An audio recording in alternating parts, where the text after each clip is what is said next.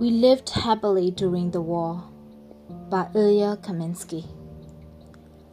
We lived happily during the war. And when they bombed other people's houses, we protested, but not enough. We opposed them, but not enough. I was in my bed, around my bed. America was falling. Invisible house by invisible house by invisible house. I took a chair outside and watched the sun.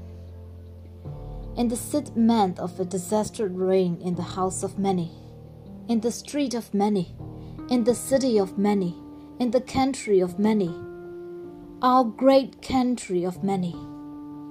We, forgive us, lived happily during the war.